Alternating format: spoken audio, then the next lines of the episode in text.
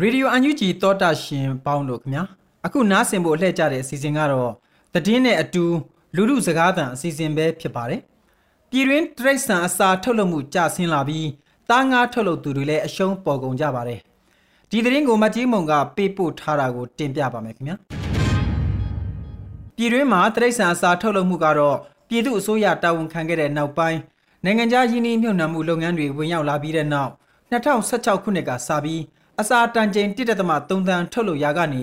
2019 2018ခုနှစ်မှာတော့တန်ချိန်1.3တန်းထိထုတ်လုပ်လာနိုင်ခဲ့ပါတယ်။မြမတရိษံအစာထုတ်လုပ်မှုကိုပြီးခဲ့တဲ့2023 2024ကာလမှာတန်ချိန်3.5တန်းလောက်ထုတ်လုပ်နိုင်ဖို့ခန့်မှန်းထားပေမဲ့တန်ချိန်1.1တန်းလောက်သာထုတ်လုပ်နိုင်ပြီးမျှော်မှန်းသလိုဖြစ်မလာတဲ့အခြေအနေနဲ့နောက်ဆက်တွဲအကျိုးဆက်ကိုမြမမွေးမြူရေးပညာရှင်တဦးကအခုလိုသုံးသပ်ထားပါတယ်။ တကဘာလုံးအတိုင်းတာနဲ့နဲ့ကျမတို့ကကျမခဏခဏပြောနေလဲရှင်းတဲ့ဒီစီလေးလုံးပေါ့နော်အဲ့စီလေးလုံးရဲ့အတောင်ကျမတို့စတင်ခံစားရတယ်ပေါ့ကိုဗစ်ရဲ့ conflict ရဲ့ climate ရဲ့ currency ရဲ့အဲ့ဒီလေးချက်ကြောင့်မို့လို့ကျမတို့ကဒါအလုံးမြင်တဲ့အတိုင်းပါပဲအဲ2019 20ကနေပြီးတော့ကျမတို့မျှော်မှန်းထားသလိုမဖြစ်လာပဲနဲ့2.3 2.5ကနေတကယ်တမ်းကြတဲ့ခါကျတော့ပြန်ပြီးတော့ just ရတယ်ပေါ့နော်ကျန်ဆင်းသွားပြီးတော့2023 24ဆိုလို့ရှိရင်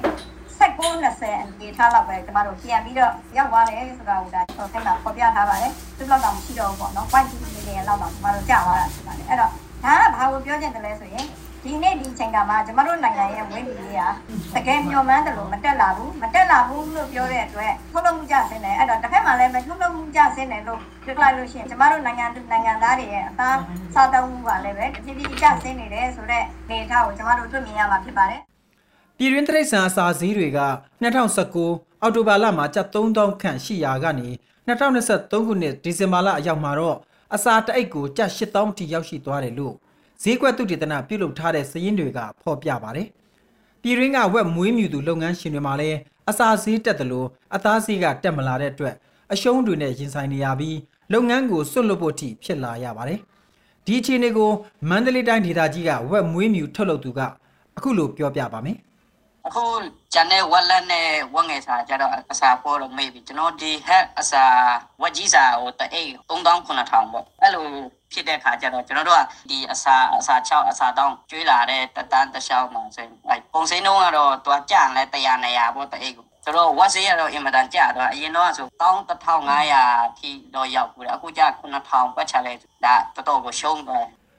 ပြည်တွင်းအစာထုတ်လုပ်မှုအတွက်ကုန်ကျန်း55ရာခိုင်နှုန်းကို ပြည်ပကနေတင်သွင်းနေရပြီးပြည်တွင်းကဆံပေးထွက်ပစ္စည်းအဖြစ်အသုံးပြုတဲ့ဖွဲစည်းတွေကလည်းတက်လာလို့ငားမွေးတဲ့လုပ်ငန်းရှင်တွေလည်းအခက်အခဲတွေ့လာနေပါတယ်။ငါးပြည်ပတင်ဖို့သူလည်းဖြစ်တဲ့ရေတတဝါကျွမ်းကျင်သူပညာရှင်တဦးကတော့တဘာဝအစာစားတတ်တဲ့ငါးမျိုးနဲ့အစာအမျိုးအစားတွေကိုရှာဖွေလာရတယ်လို့ဆိုပါတယ်။ကျွန်တော်တို့ဘာကြောင့်ငါးစာရေးဈေးကြီးလဲဆို import လုပ်ရတာ။ import လုပ်ရတဲ့အတွက်ကြောင့်ခုနဒေါ်လာဈေးအရင်တက်လာတယ်။နောက်တစ်ခုကဖွဲဘာလို့တက်လဲဆိုတော့ကျွန်မလည်းအဲ့ဒါနားမလဲ။နော်ကျွန်တော်တို့အရင်တော့ဖွဲဆို200ကျော်လောက်ရှိတာ။အဲ့ဒါကျွန်တော်တို့2023မှာ400ကျော်လောက်တက်သွား။နော်အဲ့ဒီလုံးကကျွန်တော်တို့ရဲ့ exchange rate အဲ့လောက်မတက်သေးဘူး။နည်းနည်းပဲတက်သေးတော့ပေါ့နော်။ဒါပေမဲ့ခုနပြောသလိုပေါ့ကိုယ်နိုင်ငံမှာရှိနေတဲ့ဟာတွေတော့မှဘာဖြစ်လို့ဒီလောက်တက်တယ်လဲ ဟလာအခုစာစည်းဆိုလဲကြီးတယ်ဟလာခုနဝန်ထမ်းတွေတော့မှထမင်းစားဖို့ဆိုတာဟလာသူတို့ကြားတဲ့လစာနဲ့ဟိုမဖြစ်ဘူးပေါ့နော်အဲ့ဒါကျမလည်းခုနပြောသလိုပေါ့စဉ်းစားတယ်ပေါ့နော်ကျမငါး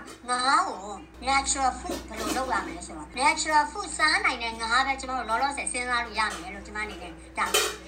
မွေးမြူရေးလုပ်ငန်းတွေမှာအစာထုတ်လုပ်မှုကအဓိကကျတဲ့လုပ်ငန်းဖြစ်ပေမဲ့စစ်တပ်ကအာဏာသိမ်းပြီးတဲ့နောက်ပိုင်းထုတ်လုပ်မှုကတိုးတက်မလာဘဲ2019-2020အခြေအနေထိ ပြန်လည်ကျဆင်းလို့လာနေပါတယ်။ဒါပြင်အထွေထွေစီးပွားရေးကျဆင်းမှုနဲ့အတူလမ်းပိတ်ဆို့မှုတွေကထုတ်ကုန်တွေအချိန်မီမတင်ပို့နိုင်တာထုတ်လုပ်မှုစရိတ်ကြီးမားလာတာတွေစတာတွေကပြည်တွင်းသားငါထုတ်လုပ်တဲ့လုပ်ငန်းတွေကိုအင်အားချိနဲ့လာစေတာဖြစ်ပါတယ်။သောတာရှင်များခင်ဗျာအခုနားဆင်ခဲ့ရတဲ့မြေပြင်သတင်းအကြောင်းအရာတွေကိုရေဒီယိုအန်ယူဂျီသတင်းတောင်မကြီးမုံကပေးပို့ထားတာဖြစ်ပါတယ်ခင်ဗျာ။ကျွန်တော်ကတော့လွတ်လပ်နေဦးပါ။